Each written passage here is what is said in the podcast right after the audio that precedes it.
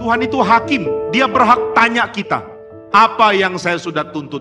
Apakah kamu sudah jalankan yang aku mau? Sudahkah aku terima? Yang aku minta kamu kerjakan, sudahkah kamu kerjakan? Heran ya, kenapa ide stoik yang begitu populer kalah populer dengan kekristenan? Lalu kelompok stoik muncul lagi di abad 15 dan mereka gagal maju. Kenapa gagal maju? Karena di abad 16 reformasi terpercik. Seluruh Eropa lebih suka reformasi dan teologi Kristen daripada stoicisme. Setiap orang berhak apa itu ditentukan oleh Tuhan. Maka ketika di Amerika ada kasus mengenai aborsi, Lalu orang demo mengatakan perempuan berhak atas tubuhnya. Perempuan berhak menggugurkan kandungan. Ini orang bersifat tidak adil. Karena yang beri hidup itu Tuhan. Yang ambil hidup juga Tuhan. Siapa kita mau ambil hidup yang Tuhan mau berikan di dunia ini?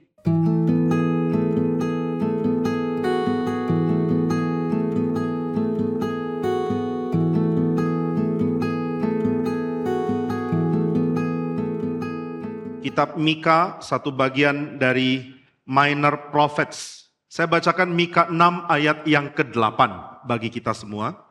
Hai manusia, telah diberitahukan kepadamu apa yang baik dan apakah yang dituntut Tuhan daripadamu.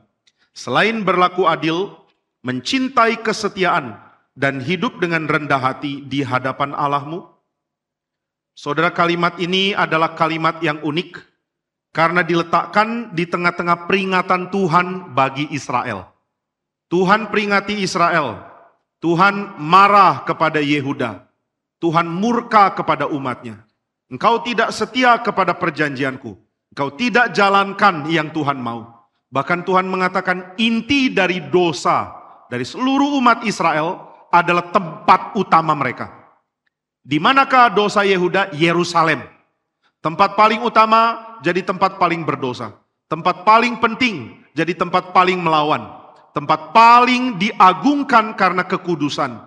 Jadi tempat yang paling melawan Tuhan. Ini jadi seruan yang sangat menakutkan. Sebab Tuhan mengatakan, apakah celah dari Israel? Celah dari Israel itu Yehuda dan Yerusalem. Apakah dosa dari Yehuda? Dosa dari Yehuda adalah Yerusalem.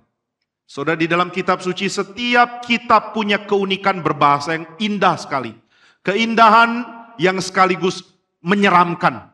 Karena ketika Tuhan menyatakan firman-Nya, banyak peringatan yang menakutkan Tuhan berikan. Kadang-kadang kalau kita baca kita menjadi takut. Kenapa Tuhan begitu keras? Tuhan kenapa menghukum? Tuhan kenapa menyatakan murka? Tuhan kenapa menghabiskan umatnya? Kenapa tidak penuh dengan berita damai saja?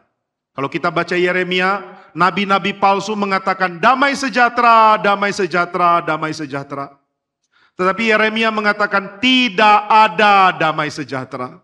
Di dalam kitab Yesaya, nabi palsu mengatakan kita memuji Tuhan bersama-sama. Mari berkumpul di gunung yang kudus. Mari sembah Tuhan. Mari nyatakan terpujilah Tuhan dan belas kasihannya. Tapi Yesaya mengatakan kurus merana aku semua pendosa tetap berdosa. Semua penggarong tetap menggarong. Semua penjahat tetap jahat. Jadi di mana sejahtera yang kamu bilang itu? Kita merana, kita tidak ada dalam keadaan baik. Jadi nabi-nabi ini seperti agen berita yang menakutkan. Sedangkan nabi-nabi palsu penuh dengan hiburan yang out of place. Hiburan itu penting, tapi jika hiburan diberikan di tempat yang salah, hiburan itu akan merusak. Perkataan yang baik itu baik, tapi perkataan yang baik diberikan saat yang buruk itu akan merusak. Maka Tuhan menyatakan murka yang mengerikan di tengah-tengah bangsa Israel dan Tuhan mengatakan inti dari dosamu adalah tempat yang paling bagus, tempat yang paling suci. Kalau begitu di mana ada pengharapan? Israel sudah pasti akan dibuang. Siapa bisa tolong? Seperti tidak ada yang bisa tolong.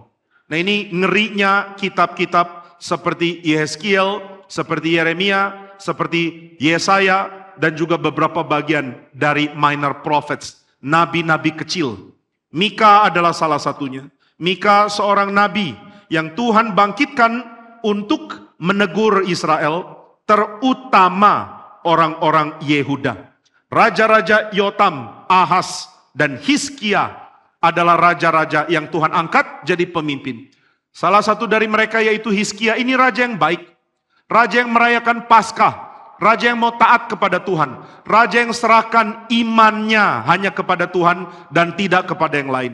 Tapi di tengah kerajaan Israel, meskipun dipimpin oleh Hizkia di selatan, tetap serong, tetap penuh dengan keberdosaan, tetap penuh dengan pemberontakan.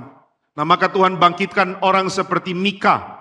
Dan ketika Mika mengatakan kalimat-kalimat teguran bagi Israel, ada satu bagian setelah ada janji Mesias di pasal 5, tiba-tiba ada pernyataan Tuhan seperti hakim yang menanyakan kepada seluruh orang dunia. Sekarang beritanya bukan cuma bagi Yehuda, tapi bagi semua manusia. Di sini kita disadarkan bahwa Tuhan itu hakim. Dia berhak tanya kita. Dia berhak panggil kita dan bertanya, apa yang saya sudah tuntut? Apakah kamu sudah jalankan? Yang aku mau, sudahkah aku terima? Yang aku minta kamu kerjakan, sudahkah kamu kerjakan? Saudara kita selalu melakukan review terhadap hidup kita jika kita orang bijak. Orang bodoh tidak pedulikan hal ini. Pokoknya hidup senang, pokoknya hidup sukses. Tapi orang bijak selalu ukur diri. Saya berhasil atau gagal? Usaha yang saya kerjakan maju sesuai target atau mundur. Yang saya sudah kerjakan sesuai dengan harapan atau tidak. Siapa tidak lakukan ini, dia tidak sadar kalau dia mundur. Saudara salah satu orang yang melakukan banyak pekerjaan. Dia seorang pengusaha, dia juga seorang ahli di dalam bidang olahraga menjadi komentator olahraga. Sangat sukses. Dia dibayar besar sekali. Puluhan bahkan ratusan juta dolar di dalam waktu beberapa tahun oleh Spotify. Lalu ditanya, apa yang bikin kamu sukses besar?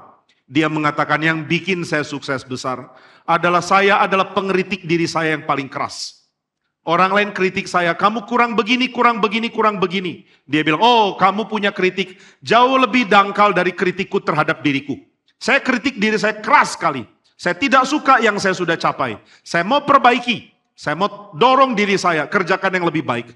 Karena saya kritik diri dengan keras, maka saya bisa maju. Nah saudara kita perlu kritik diri. Apakah saya kurang? Bagaimana cara perbaiki? Apakah saya sudah terlalu lalai? Bagaimana untuk perbaiki ini semua? Termasuk gereja Tuhan.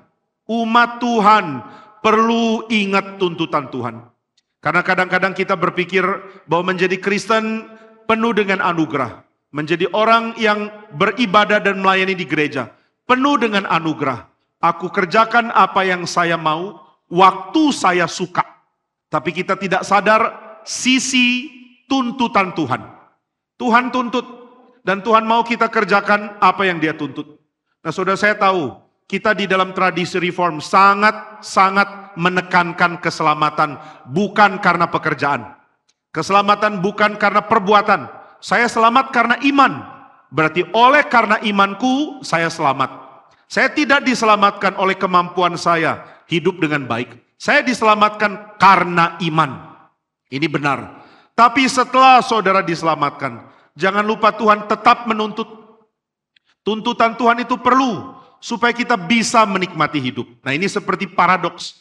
Kenapa Tuhan tuntut saya? Supaya kamu setia. Kalau saya sudah setia, siapa yang untung? Yang untung bukan Tuhan. Tuhan tidak memerlukan kesuksesan kita.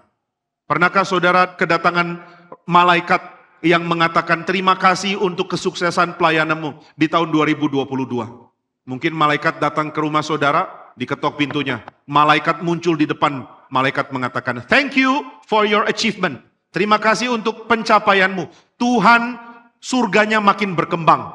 Kerajaannya makin baik karena engkau sudah lakukan baik sekali. Ini penghargaan bagimu. Tidak, Tuhan tidak datang ke rumah saya, lalu ketuk mengatakan, Tuhan sudah sangat diberkati dengan khotbah-khotbahmu. Enggak perlu. Tuhan tidak perlu kita. Lalu kenapa Tuhan tuntut? Kenapa Tuhan mau kita kerjakan dengan setia? Kenapa Tuhan mau kita melakukan dengan sebaik mungkin yang dia mau? Karena kita perlu itu.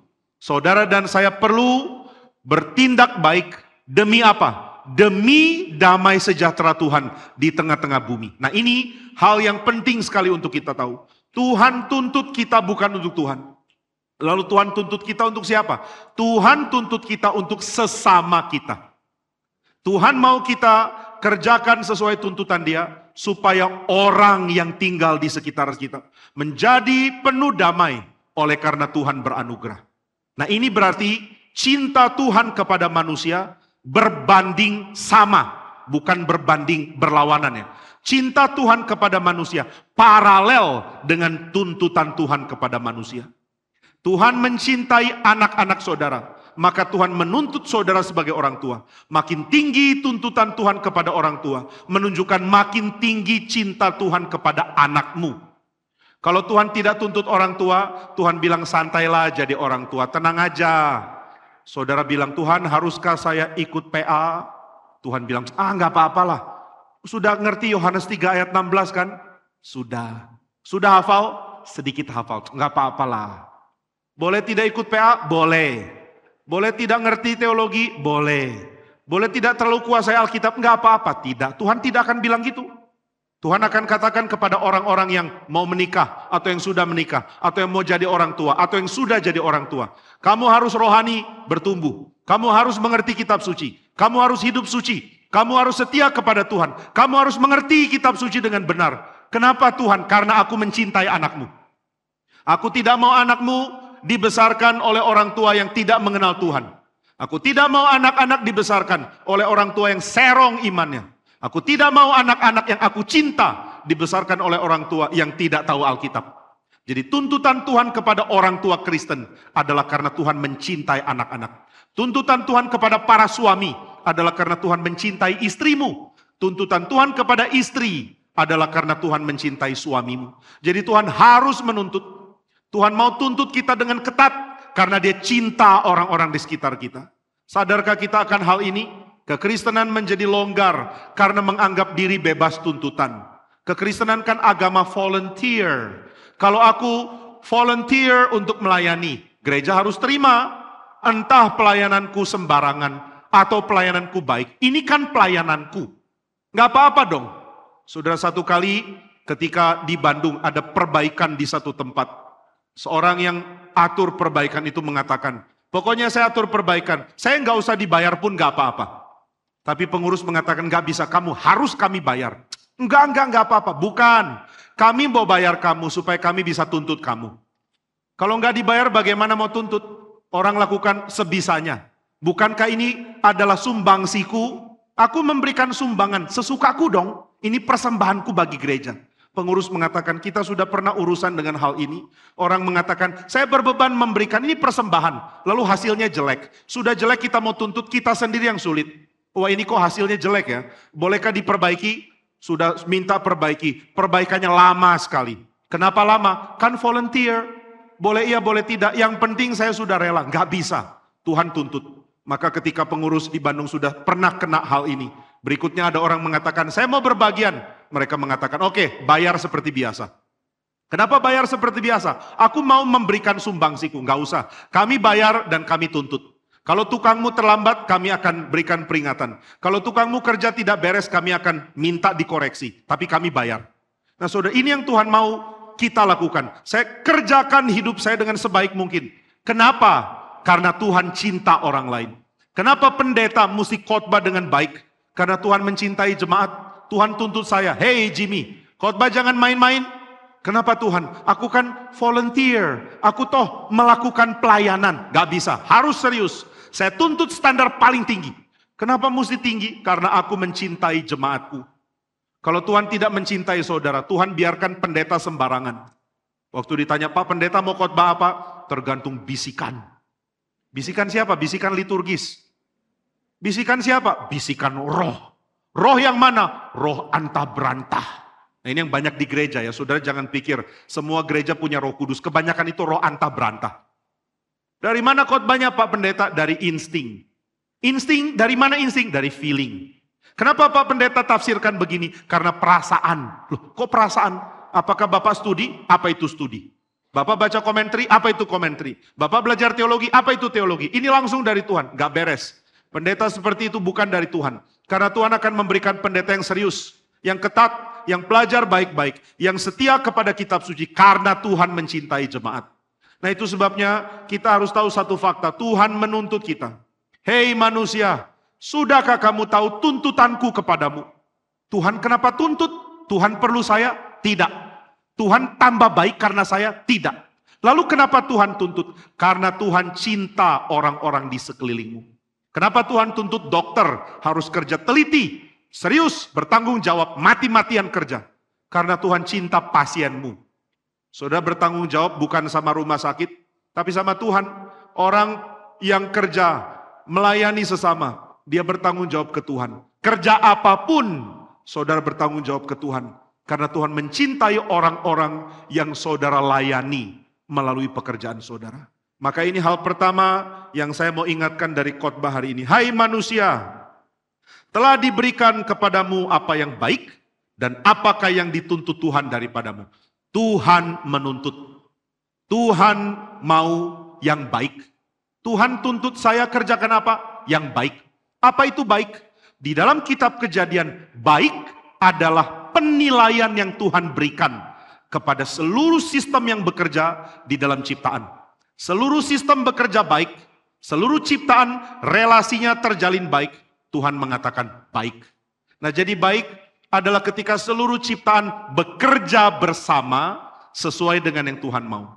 Saudara lihat di dalam kitab suci, ketika Tuhan mencipta, hal pertama yang Tuhan jadikan itu terang. Dan Tuhan mengatakan terang itu baik. Setelah itu Tuhan menciptakan darat dan Tuhan mengatakan ini baik. Tuhan menciptakan manusia di hari terakhir dan Tuhan mengatakan sungguh amat baik. Jadi baik adalah penilaian Tuhan.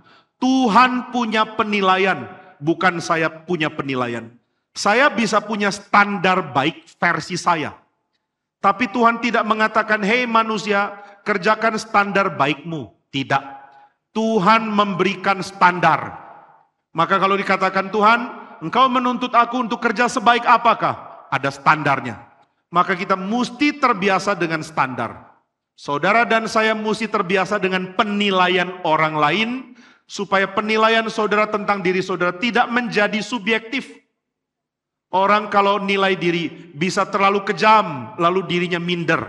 Orang yang keras menilai dirinya juga tidak baik. Tapi orang yang terlalu longgar menilai dirinya, anggap apa pun yang dia kerjakan sudah baik, ini pun salah. Satu kali ketika kami para hamba Tuhan dikumpulkan oleh pendeta Stephen Tong, dia mengatakan, apakah khotbah kalian maju? Wah kita bingung, khotbah kita maju atau enggak ya? Lalu kita ditanya satu-satu. Paling susah jawab pertanyaan patong itu kalau kita ditanya satu-satu pertanyaan-pertanyaan yang sulit kayak begini. You mulai dari you jawab. Menurut you khotbah you maju atau tidak? Sudah kalau jadi pendeta ditanya gini jawab apa ya? Khotbahmu maju atau tidak? Saya sih melangkah maju waktu khotbah. Apakah ini dihitung maju? Menurut you khotbah you maju atau tidak? Lalu ketika kita jawab, dia tanya lagi, menurut jemaatmu khotbahmu maju atau tidak? Waduh, jemaat bilang apa ya? Saya kurang tahu Patong belum lakukan survei. Maju atau tidak? Mungkin maju, mungkin tidak. Penilaian dari siapa? Siapa yang berhak mengatakan khotbahmu maju? Siapa yang berhak mengatakan kamu sudah improve? Wah, kita mesti tunduk kepada standar. Kita tidak bisa atur standar sendiri. Maka kita tidak bisa berpuas diri mengatakan, menurut saya, saya sudah baik. Tapi kita akan tanya Tuhan menurutmu saya sudah baik atau belum? Jadi Tuhan memberikan standar dan standar itu dari dia. Mari belajar bertumbuh karena kita meletakkan standar bukan pada kita tapi pada Tuhan.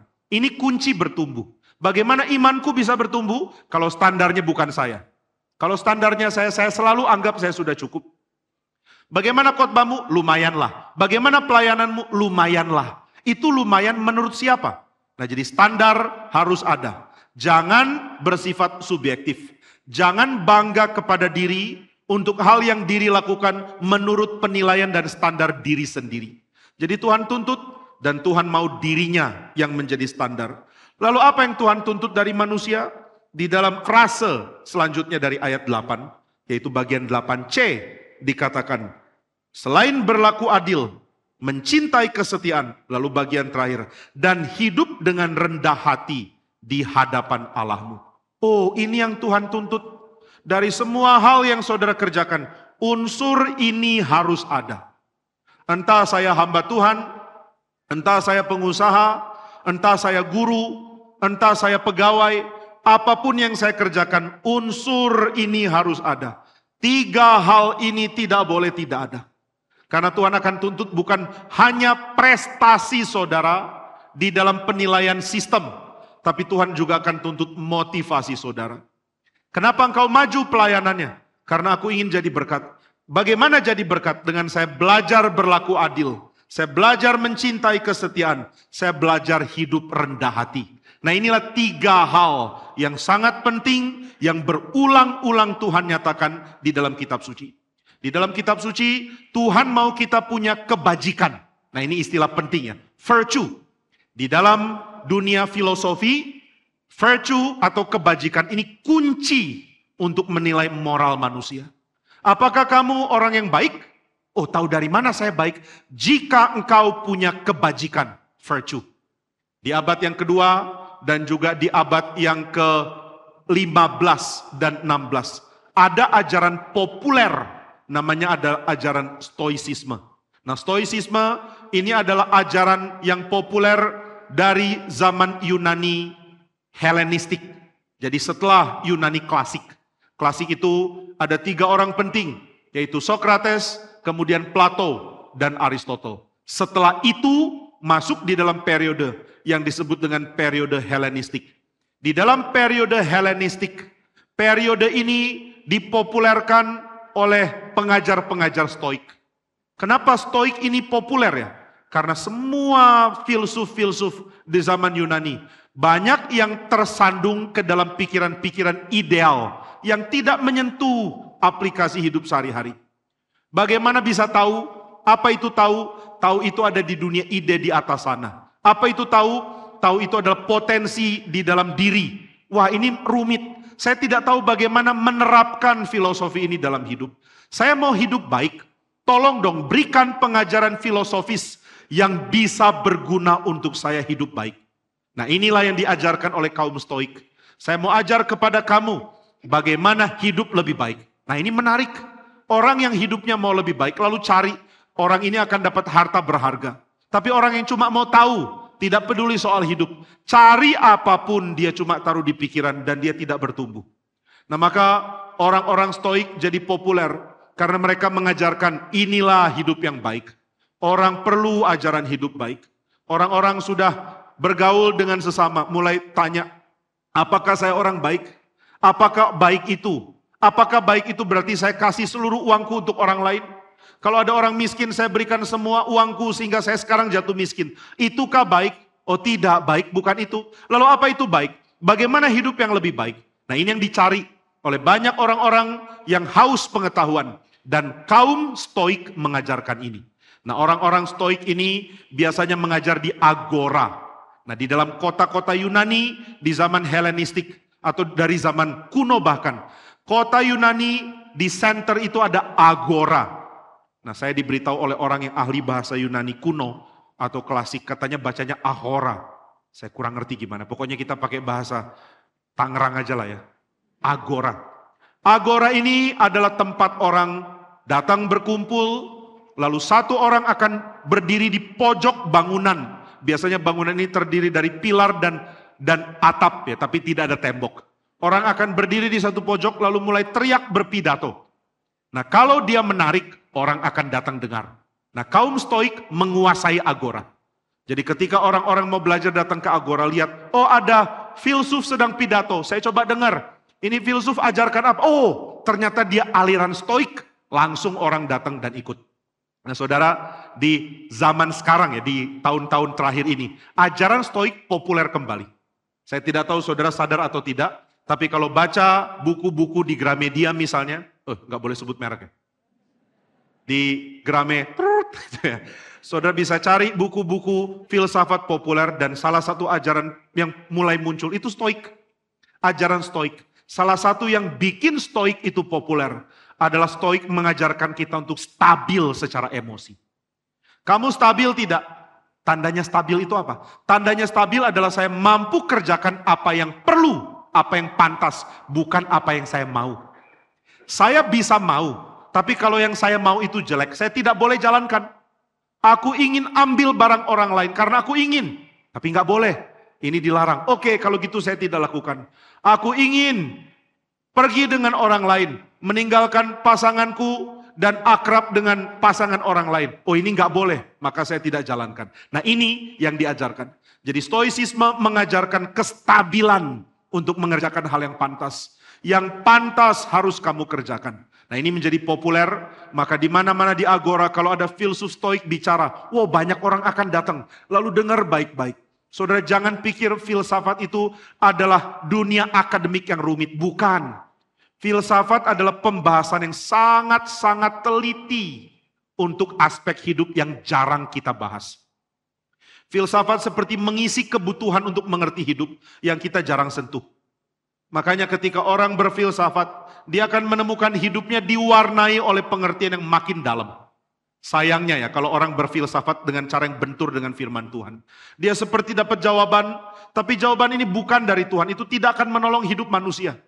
Nah maka ketika orang belajar dari para pengajar stoik, mereka mencatat mereka dapat hikmat, mereka bukan dapat pengetahuan untuk dipamer. Oh aku ahli filsafat, mari berdebat, mari kita berdiskusi supaya saya bisa pamer keahlian. Bukan. Tapi mereka menemukan, oh ternyata hidup bisa disoroti dengan cara ini. Nah salah satu pembahasan stoik yang penting. Nih kalau saya berikan contoh mungkin saudara akan tercerahkan. Iya juga ya belajar filsafat itu penting. Asal saya mencarinya untuk hidup lebih baik. Kalau ada yang tanya sama saudara, apakah yang lebih baik itu damai atau perang? Berkelahi dengan orang lebih baik atau hidup bersahabat dengan semua orang? Saudara jawab apa? Bersahabat, bersatu kita teguh, bercerai kita hancur, gitu kan? Jadi kita tidak boleh ribut dengan orang lain. Tapi orang stoik akan tanya lagi, apa itu bersahabat? Apakah engkau boleh berjumpa dengan orang yang tidak ada kebajikan, orang yang jahat, orang yang menipu, orang yang sangat rusak pikirannya dan sangat manipulatif. Saudara lihat orang ini, bolehkah saudara bersahabat dengan dia? Wah nggak boleh dong ya. Karena aku mau bersahabat dengan orang yang menghargai kejujuran, menghargai kebaikan, menghargai kesetiaan. Oh kalau begitu bersahabat harus pilih ya. Nah ini yang digali. Siapa boleh jadi sahabatku? Lalu kalau ada orang tidak mempunyai sifat yang baik, bagaimana kita harus berurusan dengan orang ini? Nah ini salah satu diskusi dari aliran stoik misalnya seperti ini. Jika engkau adalah orang yang bijak, mana yang lebih penting bagimu? Mengabaikan atau melindungi orang yang rentan ditindas? Saudara akan bilang, melindungi dong. Masa saya mengabaikan? Kalau saudara lihat anak kecil, saudara mau jaga, Saudara lihat orang miskin yang tidak berdaya, saudara mau lindungi kan? Nah pertanyaan berikutnya, lindungi dari siapa? Dari yang menindas. Kalau begitu engkau berelasi dengan penindas dengan cara apa? Damai atau perang? Wah bingung juga ya. Kalau damai dengan orang suka menindas, berarti saya membiarkan dia menindas orang lain. Maka orang akan berpikir kalau gitu ada tempat untuk perang. Ada. Maka keluarlah satu statement yang sangat populer yang sekarang dipakai atau bukan sekarang ya. Berapa tahun lalu dipakai di salah satu sequel dari film John Wick. Saudara nonton John Wick? Berdosa nonton film bunuh-bunuh orang. Tapi saya tertarik dengan saya lupa bagian keberapa ya. Di bagian akhir dikatakan, jika kamu mau damai, bersiap untuk perang. Kamu mau damai, siap-siap perang. Nah ini pepatah stoik. Jadi ini diambil dari diskusi orang stoik. Jadi kamu mau melindungi anakmu? Mau. Kalau anakmu mau di rampok orang. Kalau anak mau dipukul orang jahat, kamu apakan orang jahat itu? Ya saya tangkap dia, saya telepon polisi supaya ditangkap atau saya lawan dia. Berarti perlu perang dong? Iya perlu juga ya. Jadi mana lebih baik, damai atau perang? Wah saya nggak bisa langsung jawab. Saya mesti tanya dulu situasi apa yang diasumsikan. Apa yang sedang terjadi. Baru saya bisa jawab. Nah ini yang membuat kita berpikir ulang. Kadang-kadang kita ini bodoh. Karena kita terlalu cepat ambil kesimpulan dan terlalu mengabaikan pertanyaan lanjutannya. Kadang-kadang kita ya termasuk di dalam tradisi teologi reform. Kadang-kadang kita terlalu pegang doktrin kita sehingga kita lupa ada sisi lain dari doktrin itu yang perlu kita diskusikan juga. Kamu percaya predestinasi? Percaya. Kalau kamu tidak, oh berarti kamu bukan temanku. Lo jangan langsung begitu. Coba diskusi dulu dengan dia. Pikirkan bagaimana pengertianmu terhadap predestinasi berguna untuk hidup dia. Ini yang penting. Nah ini yang diajarkan di dalam tradisi stoik. Maka kaum stoik sangat populer. Yang bikin kaum stoik gagal mencapai dominasi. Itu adalah kekristenan. Nah ini penting ya. Kenapa filsafat Aristotle dan filsafat Plato jauh lebih populer daripada Stoik? Karena waktu filsafat Plato dan Aristotle populer, tidak ada tandingan untuk membuat popularitas yang melampaui mereka. Tapi waktu orang-orang Stoik menyebar, saat yang sama Injil juga menyebar. Stoicisme menyebar di abad kedua, abad ketiga. Injil pun menyebar di abad kedua, di abad ketiga seluruh Eropa. Salah satu kaisar penganut stoik adalah Marcus Aurelius. Dan dia tidak turunkan pengertian filosofisnya ke anak-anaknya. Sebaliknya generasi selanjutnya dari kaisar Romawi malah dipengaruhi kekristenan. Heran ya, kenapa ide stoik yang begitu populer kalah populer dengan kekristenan? Jawabannya adalah karena kekristenan menawarkan jawaban lebih bagus daripada stoik. Lalu kelompok stoik muncul lagi di abad 15 dan mereka gagal maju. Kenapa gagal maju? Karena di abad ke-15 popularitas dari reformasi mendadak meledak. Maaf abad 16 ya. Jadi abad 15 stoik kembali populer, abad 16 reformasi terpercik. Lalu setelah reformasi dipercikan, seluruh Eropa lebih suka reformasi dan teologi Kristen daripada stoicisme. Jadi stoicisme ini setiap kali mau menyebar, gagal menyebar karena kekristenan. Loh kenapa reformasi bisa lebih populer dari stoicisme? Nah ini kalimat sangat penting. Karena reformasi menawarkan pembenaran oleh iman. Reformasi menawarkan kedaulatan Allah yang memutuskan untuk mencintai kita. Dan ini memberikan jawaban lebih indah, lebih jitu untuk menjawab permasalahan manusia. Lebih daripada filsafat stoik. Saya sangat senang dengar khotbah pendeta Stephen Tong waktu saya umur 21, 22. Waktu saya baru bertobat. Kenapa suka? Karena saya melihat cara Pak Tong membahas Alkitab. Pak Tong tidak meremehkan ajaran dunia, lalu kasih Alkitab. Ini ajaran benar, yang lain sampah. Tidak. Pak Tong gali keindahan filsafat dari Asia, Eropa, bahkan India. Ini orang pertama yang ajar saya ada filsuf-filsuf seperti Tagor dari India. Kalau saya bukan Tagor, saya Tigor, lain lagi. Lalu di Tiongkok ada orang-orang seperti Lao Tse, kemudian Confucius. Ini saya belajar dari dengar khotbah loh. Maka waktu dengar patong sambil catat, pernah satu kali saya pulang dari khotbah, orang tanya saya, kamu bawa catatan khotbah? Bawa. Lalu mereka lihat cuma isi nama. Immanuel Kant, Plato, Aristotle, Tagore, dan lain-lain. Ini apa? Saya bilang, ini nama. Nama siapa? Nama orang. Kenapa kamu catat? Dengar khotbah. Siapa pengkhotbah sebut nama begini banyak? Saya jawab Stephen Tong. Kenapa dia sebut nama begini banyak? Karena mereka inspiring the world. Mereka menginspirasi dunia. Wow, jadi ini orang-orang bidat yang masuk neraka, kata teman saya. Immanuel Kant, neraka. Aristotle, neraka. Siapa lagi filsuf, neraka semua. Saya bilang tidak. Justru pengkhotbah ini bahas mereka dengan cara positif. Hah? Pengkhotbah Kristen kok positif sama orang neraka? Karena pikiran bagus meskipun orangnya masuk neraka tetap punya Tuhan. Betul ya? Satu kali pendeta Yadi pernah tanya saya, apakah kamu setuju sama Hitler? Saya bilang tentu tidak. Bagaimana kalau Hitler bilang Yesus adalah satu-satunya juru selamat? Ini bingung ya. Untuk itu saya setuju gitu ya. Untuk itu saya setuju, tapi saya tidak setuju sama Hitler untuk hal-hal lain. Kalau perkataan itu benar, kalau pikiran itu benar, nggak peduli siapa yang katakan, itu tetap dari Tuhan. Saudara ketemu orang jahat, orang jahat bicara hal bijaksana. Itu providensia Tuhan izinkan dia bisa keluarkan kalimat bagus seperti itu. Maka saya dengar khotbah Patong, saya kagum dengan banyak orang. Orang-orang agung yang pikirannya dalam sekali. Tapi, nah ada tapinya. Ya. Setelah itu Pak Stephen Tong mengatakan, tapi kitab suci lebih tinggi. Waduh, kalau itu saja sudah bagus, bagaimana dengan Alkitab? Ini yang menginspirasi saya untuk membuktikan kepada orang Alkitab lebih indah dari filsafat mana pun. Saya habiskan waktu lama sekali baca buku filosofi, baca Alkitab, baca buku teologi. Karena saya ingin lakukan apa yang Pak Tong lakukan. Alkitab lebih indah dari filsafat mana pun. Tapi jangan bicara filsafat dengan cara dinegasikan. Karena itu tidak menunjukkan kebaikan atau keindahan Alkitab. Ini mirip ya, saya sering kasih contoh. Mirip dengan orang mengatakan, Pak Jimmy, Bapak itu adalah seorang laki-laki yang tampan. Jika dibandingkan dengan simpanse. Itu kurang memuji, saya sudah lihat wajah simpanse. Lalu saya lihat wajah Pak Jimmy. Pak Jimmy lebih tampan dari simpanse. Ayo Pak semangat. Itu nggak bikin saya semangat. Sama kalau ada orang bilang filsafat itu jelek. Immanuel Kant itu masuk neraka. Filsafat dunia itu sampah jelek. Alkitab itu bagus. Itu seperti bilang simpanse itu jelek, tapi engkau tampan. Tapi Pak Tong nggak bilang gitu. Dari semua filsuf-filsuf yang ajarannya tampan, yang pembahasannya indah, yang pikirannya begitu agung, tetap kalah dari kitab suci. Wah ini memikat saya. Maka saudara saya sarankan ya, jika GRI Karawaci mau menangkan banyak anak muda, jangan pakai pendekatan menghina dunia. Kalau pakai pendekatan menghina dunia, orang tidak tertarik. Dunia jelek, jelek, jelek. Alkitab agak lebih bagus. Itu kurang menarik. Tapi dunia bagus, bagus, bagus. Alkitab jauh lebih bagus. Ini yang membuat orang tertarik.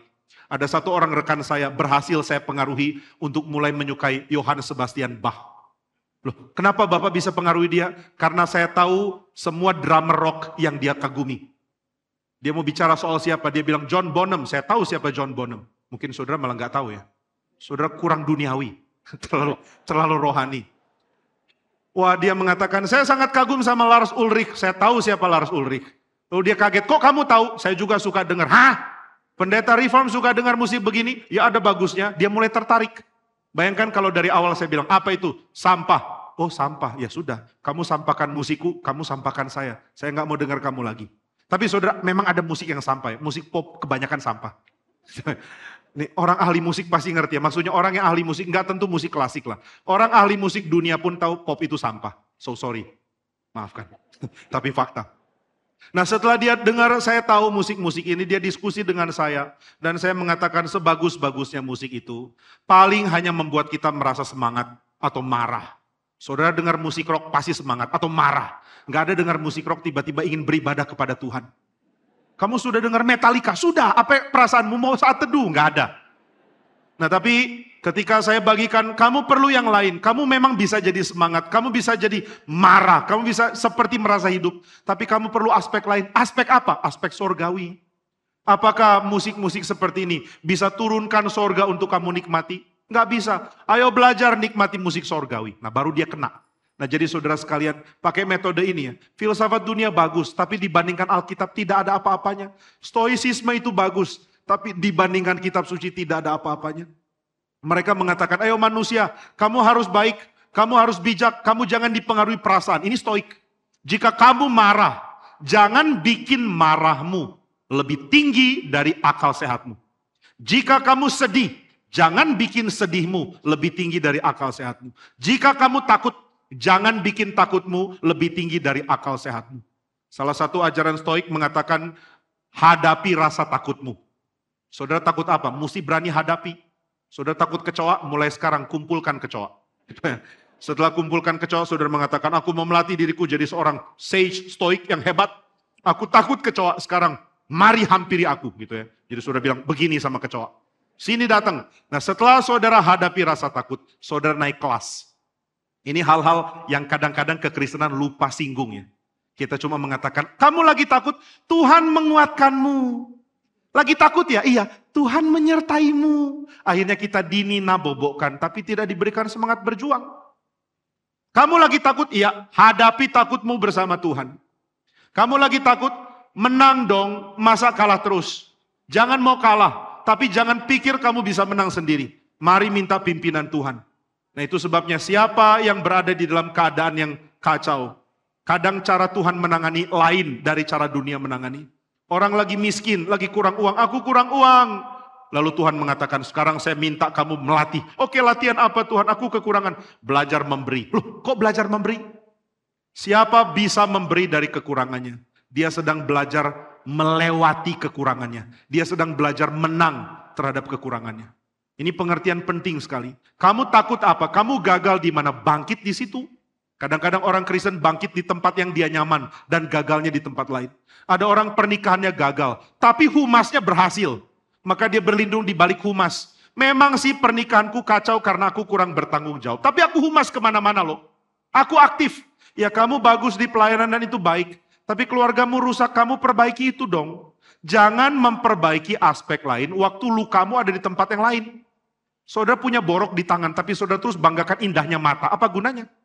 Itu tanganmu kok borok begitu sudah bolong. Yang penting mataku indah. Coba lihat. Bagus bukan? Ini bau busuk apa? Itu dari tangan. Tapi jangan perhatikan. Mataku indah. Gak bisa. Saudara punya luka di tangan. Sembuhkan tangan. Saudara punya luka di dalam aspek tertentu dalam hidup. Sembuhkan aspek itu. Jangan lari. Nah ini ajaran-ajaran Kristen yang sebenarnya melampaui stoicisme. Maka kalau stoik mengatakan jadi orang baik, apa yang menghalangi orang jadi baik? Kadang-kadang orang dihalangi jadi baik karena dia terlalu gampang marah. Karena dia terlalu tidak bisa tangani perasaannya. Akhirnya dia gagal jadi orang baik. Bagaimana caranya jadi orang baik kembali? Kalahkan perasaanmu. Maka stoik kadang-kadang berkait dengan mematikan perasaan. Bukan tidak berperasaan ya, tapi mengalahkan perasaan. Tapi saudara kitab suci mengajarkan hal yang lebih penting. Dikatakan apa yang harus kamu perbaiki adalah apa yang Tuhan tuntut. Kenapa tuntutan Tuhan harus saya masukkan dalam hidup? Kenapa aku harus berjuang penuhi tuntutan Tuhan? Karena ketika Tuhan menuntut, Tuhan sedang menjadikan tujuan dari tuntutan itu damai bagi engkau. Jika saudara tahu yang Tuhan tuntut, lalu saudara kejar, saudara tidak mungkin tidak damai. Saya berjumpa dengan seorang pemuda ya. Dia dekat, dia pacaran dengan seorang yang bukan Kristen. Saya katakan ke dia, kamu harus tinggalkan orang itu. Dia dekat dengan orang berdarah Jepang. Jadi dia laki-laki, ini saya cerita pun gak apa-apa, saya sudah izin sama dia. Kemarin di NRIC Pak Billy ingatkan, eh kamu cerita-cerita tentang orang izin dulu loh. Ini saya kasih disclaimer, sudah izin. Dia bilang boleh diceritakan. Tapi jangan kasih tahu nama. Jadi jangan tanya siapa ya. Dia dekat dengan seorang keturunan Jepang, seorang perempuan cantik sekali. Lalu dia jatuh cinta. Tapi orang ini orang agnostik tidak peduli Tuhan. Dia mengatakan saya akan injili perempuan ini. Saya mengatakan good, injililah. Jangan pacari. Dia bilang, eh sekalian. Strategi PIku adalah pacari lalu injili. Gak bisa. Kenapa gak bisa? Karena kalau kamu pacaran, kamu serius mau menikah dengan dia loh. Lalu kalau kamu tidak merasa imannya sama denganmu, kenapa menikah dengan dia? Dia bilang, eh, iya, iya ini langkah berikutnya nikah. Sekarang langkahnya penginjilan dulu. Kalau penginjilan jangan pacaran dong. Saya ingat perkataan dari seorang pastor Amerika, Paul Washer. Jangan melakukan dosa untuk mentaati perintah Tuhan. Jangan menjalankan eh, kehendak Tuhan dengan cara melakukan dosa. Itu nggak benar. Di satu sisi saya menjalankan kehendak Tuhan, pergilah beritakan Injil kepada semua makhluk. Tapi di sisi lain saya menghancurkan peringatannya dan menghancurkan perintahnya. Jangan jadi pasangan yang tidak seiman, tidak seimbang. Nah ini jadi nasihat yang saya berikan. Jangan. Lalu apa yang harus saya lakukan? Jadikan dia teman, jangan pacar. Sudah dekat, sudah pacar. Ya kalau gitu harus putus dulu. Waduh masa diputusin? Dia sudah mau loh. Ya bagus kalau dia sudah mau, tapi jangan lanjutkan sebelum dia jadi Kristen. Wah dia sedih sekali. Lalu dia bilang kepada calon, saya nggak tahu calon apa ini, sudah pacar atau belum pacar. Pacar yang belum legal. Atau pacar yang belum disahkan sama pendeta atau apalah. Dia bilang ke ya perempuan ini, saya tidak bisa lanjut pacaran dengan engkau kecuali engkau jadi Kristen. Perempuan ini katakan kalimat bikin dia kaget. Saya juga mau ngomong hal yang sama sama kamu. Hah? Ngomong hal yang sama, puji Tuhan. Mungkin dia sudah dengar khotbah atau apa mau bertobat, ternyata tidak. Perempuan ini bilang, saya pun tidak bisa lanjut dengan kamu kalau kamu terus jadi Kristen. Jadi saya harus jadi apa? Agnostik kayak saya. Agnostik itu apa? Agnostik itu berarti selamanya ragu. Loh saya sudah yakin Tuhan benar, kalau gitu kita nggak bisa lanjut. Jadi sekarang perempuan ini yang kasih ultimatum. Kalau kamu Kristen saya nggak bisa lanjut pacaran dengan kamu. Karena orang Kristen pikirannya sempit-sempit. Lalu laki-laki ini bilang, tahu dari mana orang Kristen pikirannya sempit? Perempuan ini bilang, itu yang saya tahu. Pokoknya orang Kristen pikiran sempit. Kamu tahu dari mana? Pokoknya. Ya, ini sama-sama sempit ya. Orang sempit ketemu orang sempit. Saling mengatakan yang lain sempit. Pokoknya saya nggak mau sama kamu kalau kamu Kristen. Orang ini bilang, saya juga nggak bisa dengan kamu kalau kamu tidak Kristen. Ya sudah kalau gitu kita bubar. Dia sedih sekali. Dan dia merasa hatinya kosong. Dia minta ngobrol dengan saya terus. Saya jadi stres. Ini orang lain yang kesepian, saya yang disuruh menemani. Pak ada waktu, mau jawab enggak juga gimana. Sebenarnya lagi sibuk tapi oke okay lah ada apa. Itu harusnya ada hintnya ya. Sebenarnya lagi sibuk tapi oke okay lah ada apa. Puji Tuhan Bapak lagi nganggur. Kata ini Pak saya mau curhat. Saya telepon ya. Dia cerita, Pak hati saya rasanya kosong. Saya benar-benar gentar. Besok mau jadi apa pun saya nggak tahu. Ini hati sudah benar-benar kacau. Saya kayak mau mati tapi nggak berani mati. Waduh gimana ya Pak? Saya tanya, ya nggak nggak ada, saya jawab ya nggak ada gimana, jalanin aja hidup. Nggak bisa, saya nggak bisa jalanin hidup. Saya perlu seseorang untuk mendengar. Saya bilang, ini saya sudah jadi seseorang untuk dengar. Ayo cerita. Dia cerita dua setengah jam. Setelah cerita dua setengah jam, dia bilang, oke, okay, saya sampai sini sekarang agak tenang. Terima kasih Pak. Oke, okay, terima kasih ya. Saya doakan dia lalu selesai. Besok malamnya telepon lagi. Pak ada waktu, apa lagi? Yang kemarin saya rasakan balik lagi. Sharing lagi dua setengah jam. Setelah itu saya doakan, tutup. Besoknya telepon lagi. Setelah dua setengah jam saya doa seperti ini, Tuhan, kiranya Tuhan menganugerahkan rekan ini kekuatan untuk tidak lagi galau besok. Gitu ya.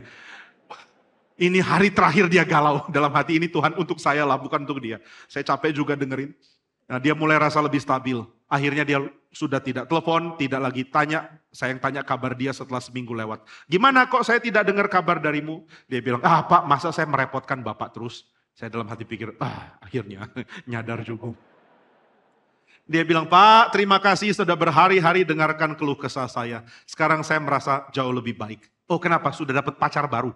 Agnostik lagi. Dia bilang, bukan, bukan dapat pacar baru, bukan dapat orang apa. Cuma saya merasa senang sekali. Senang apa? Senang karena saya sekarang belajar banyak hal tentang agnostik.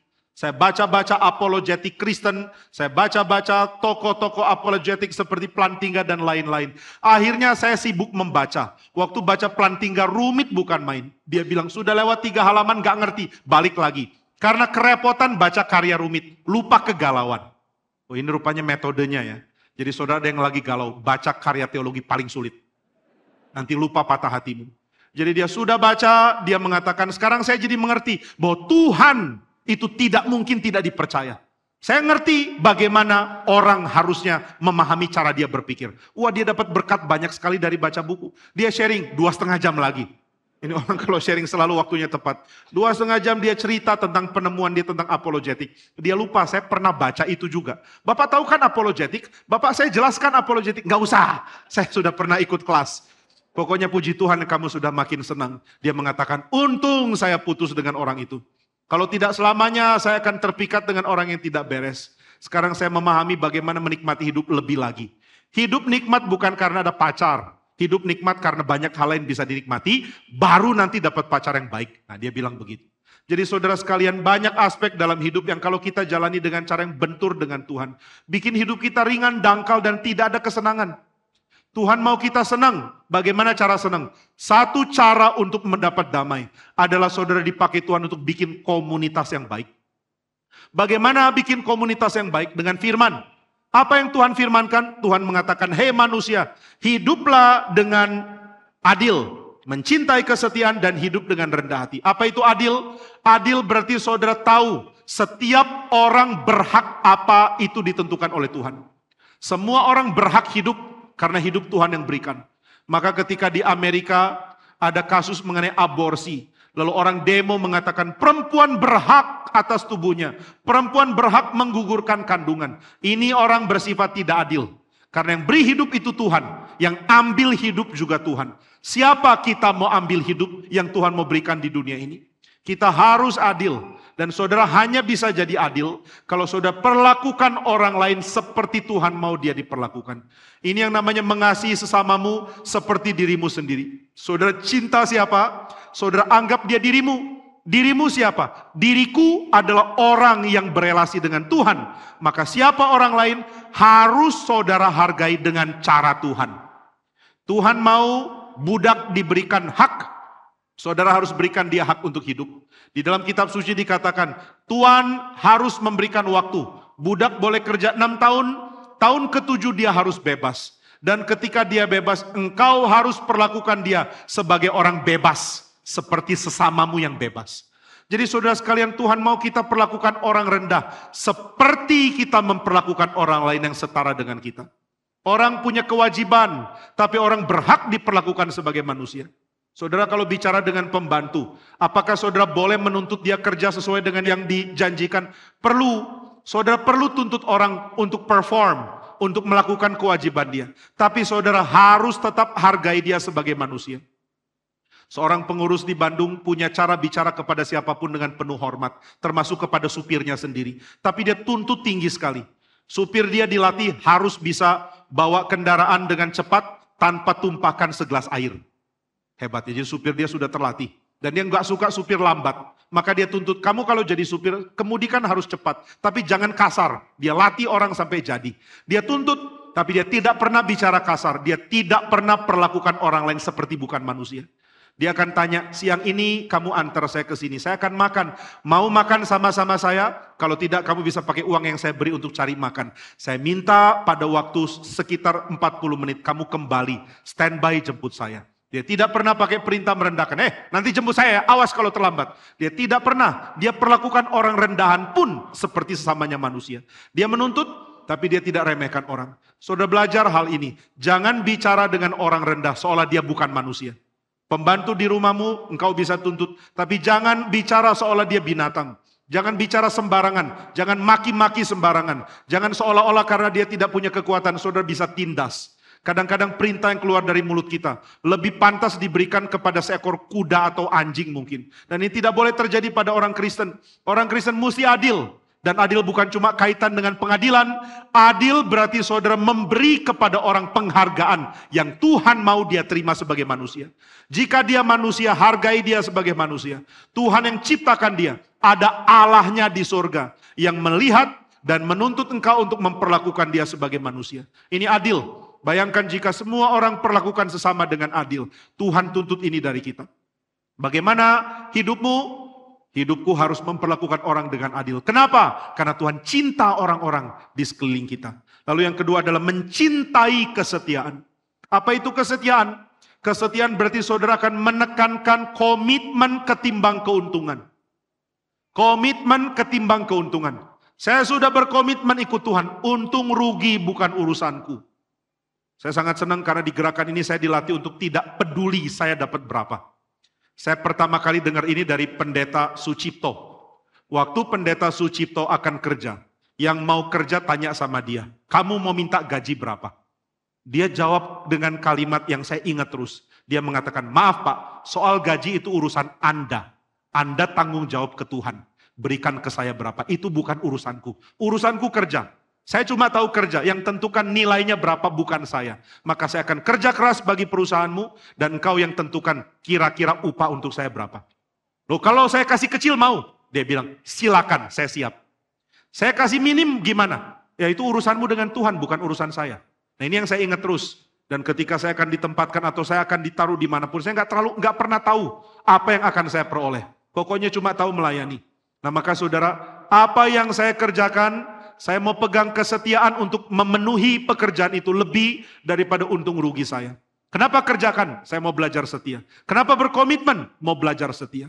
Demikian orang melayani Tuhan di dalam gerejanya. Mari belajar setia. Saya punya komitmen bukan mengenai untung rugi. Ini juga termasuk ketika orang berelasi di dalam pacaran atau pernikahan. Kenapa menikah? Karena aku komit mencintaimu. Bukan saya mau tahu untung rugi saya kalau berelasi dengan engkau. Inilah mencintai kesetiaan. Yang ketiga yang paling penting adalah hidup dengan rendah hati di hadapan Allah. Kadang-kadang Tuhan membuat kita dilatih untuk tahu berapa kecilnya kita di hadapan Allah. Saudara dan saya ini makhluk yang luar biasa rentan. Kalau Tuhan mau kita mati, kita mati.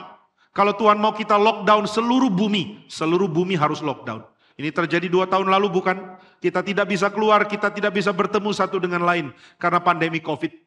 Lalu semua orang cuma bisa di rumah, bisnis hancur, keuangan hancur, perkembangan hancur. Ini terjadi karena Tuhan yang berikan. Tuhan hantam kemanusiaan supaya manusia tidak sombong. Maka saudara sekalian mari kita belajar mengerti hal ini. Siapa tidak sadar dia makhluk yang kecil, dia tidak mungkin bisa menikmati pembentukan Tuhan. Hanya ketika dia sadar aku perlu bergantung sepenuhnya kepadamu. Baru dia tahu apa artinya hidup dengan rendah hati di hadapan Allah. Nah tiga hal ini Tuhan katakan dituntut Tuhan dari manusia. Lalu siapa yang paling bertanggung jawab kerjakan? Yang paling bertanggung jawab kerjakan ini adalah gereja Tuhan. Umat Tuhan yang paling bertanggung jawab untuk tunjukkan ini ke manusia lain. Hei manusia, Tuhanku menuntut engkau untuk adil. Tuhanku menuntut engkau untuk penuh belas kasihan. Tuhanku menuntut engkau untuk hidup rendah hati di hadapan dia yang besar. Nah ini jadi suara gereja yang keluar. Ini penginjilan untuk memperkenalkan Kristus. Saudara menyatakan Tuhan mau kamu dihargai dan Tuhan mau kamu menghargai orang lain. Itulah sebab dia mengirim Kristus. Itulah sebabnya Injil diberikan. Tuhan mau kamu hidup dengan penuh belas kasihan. Seperti Tuhan memberikan belas kasihan kepadamu melalui penebusan Kristus. Tuhan mau engkau hidup rendah hati di hadapan Allahmu. Karena Tuhan mencintai engkau dengan dia rela merendahkan dirinya bagimu. Ini semua hanya mungkin dinikmati oleh orang Kristen dan hanya orang Kristen bisa bagikan ini keluar. Maka saya percaya ini tugas gereja di dalam kehadirannya di dunia. GRII Karawaci bertugas lakukan ini. Bagaimana saya hidup untuk menyuarakan kepada orang dunia, hei manusia, hidup dengan adil, hidup dengan rendah hati, hidup dengan penuh belas kasihan. Gereja harus menyuarakan ini. Bagaimana menyuarakan apakah hanya dari khotbah saja? Bukan, bukan hanya dari khotbah saja, tapi juga dari contoh. Ketika komunitas kita adalah komunitas yang adil, komunitas yang saling mencintai, komunitas yang hidup rendah hati di hadapan Allah, komunitas ini akan tarik orang untuk datang. Di talk show NRIC kemarin, sesi dari pendeta Eko, lalu ada pendeta Michael Densmore, pendeta Kristiadi Cohen, dan juga pendeta Yadi. Ada pembicaraan yang sangat menarik dikatakan bagaimana cara orang menarik orang lain untuk mengenal Injil. Dikatakan cara paling menarik bukan berita saja, tapi komunitas yang menerima. Saudara kalau kita jadi orang Kristen yang merupakan komunitas yang suka terima orang lain, ini jadi kekuatan besar untuk bersaksi. Kesaksian itu bukan individu, bukan aku pergi memberitakan Injil sendirian. Kita nggak akan sanggup. Tapi kita pergi memberitakan Injil dengan di backup oleh gereja yang saling menerima satu dengan lain. Saya rindu ya di hari-hari ke depan, tahun-tahun ke depan, kita melayani Tuhan bersama dan kita dipakai Tuhan untuk menerima orang-orang lain. Orang-orang menikmati kekristenan bukan karena mereka diyakinkan oleh firman lebih dulu, tapi mereka diyakinkan oleh komunitas yang dibentuk oleh firman. Seperti apakah komunitas GRII Karawaci dibentuk oleh Tuhan oleh firmannya? Jika kita gagal menjalankan kehidupan yang saling menghargai, yang saling memperlakukan orang lain dengan keadilan, yang mencintai dan berbelas kasihan, dan yang hidup rendah hati di hadapan Tuhan. Jika kita tidak praktekkan itu, tidak ada orang akan terima Injil. Di dalam sesi sidang sinode, pendeta Ivan membagikan prinsip penting dari Marshall McLuhan, yaitu medium and the message. Pesan selalu dipengaruhi oleh mediumnya. Saudara beritakan Injil, who are you? Siapa engkau? Siapa dirimu akan pengaruhi berita Injil? Siapa gereja akan pengaruhi berita Injil? Saya yakin salah satu kegagalan gereja memberitakan Injil bukan karena kita kurang giat. Kita sudah giat jangkau orang, tapi begitu orang datang, mereka tidak melihat wujud asli dari komunitas yang dibentuk oleh Injil. Saya doakan supaya GRI di mana pun, termasuk di sini, Tuhan pakai untuk menunjukkan inilah komunitas yang sudah dibentuk oleh Injil. Kami sudah percaya Injil dan lihat komunitas yang kami miliki. Nah ini akan menarik orang. Biarlah Tuhan pakai kita.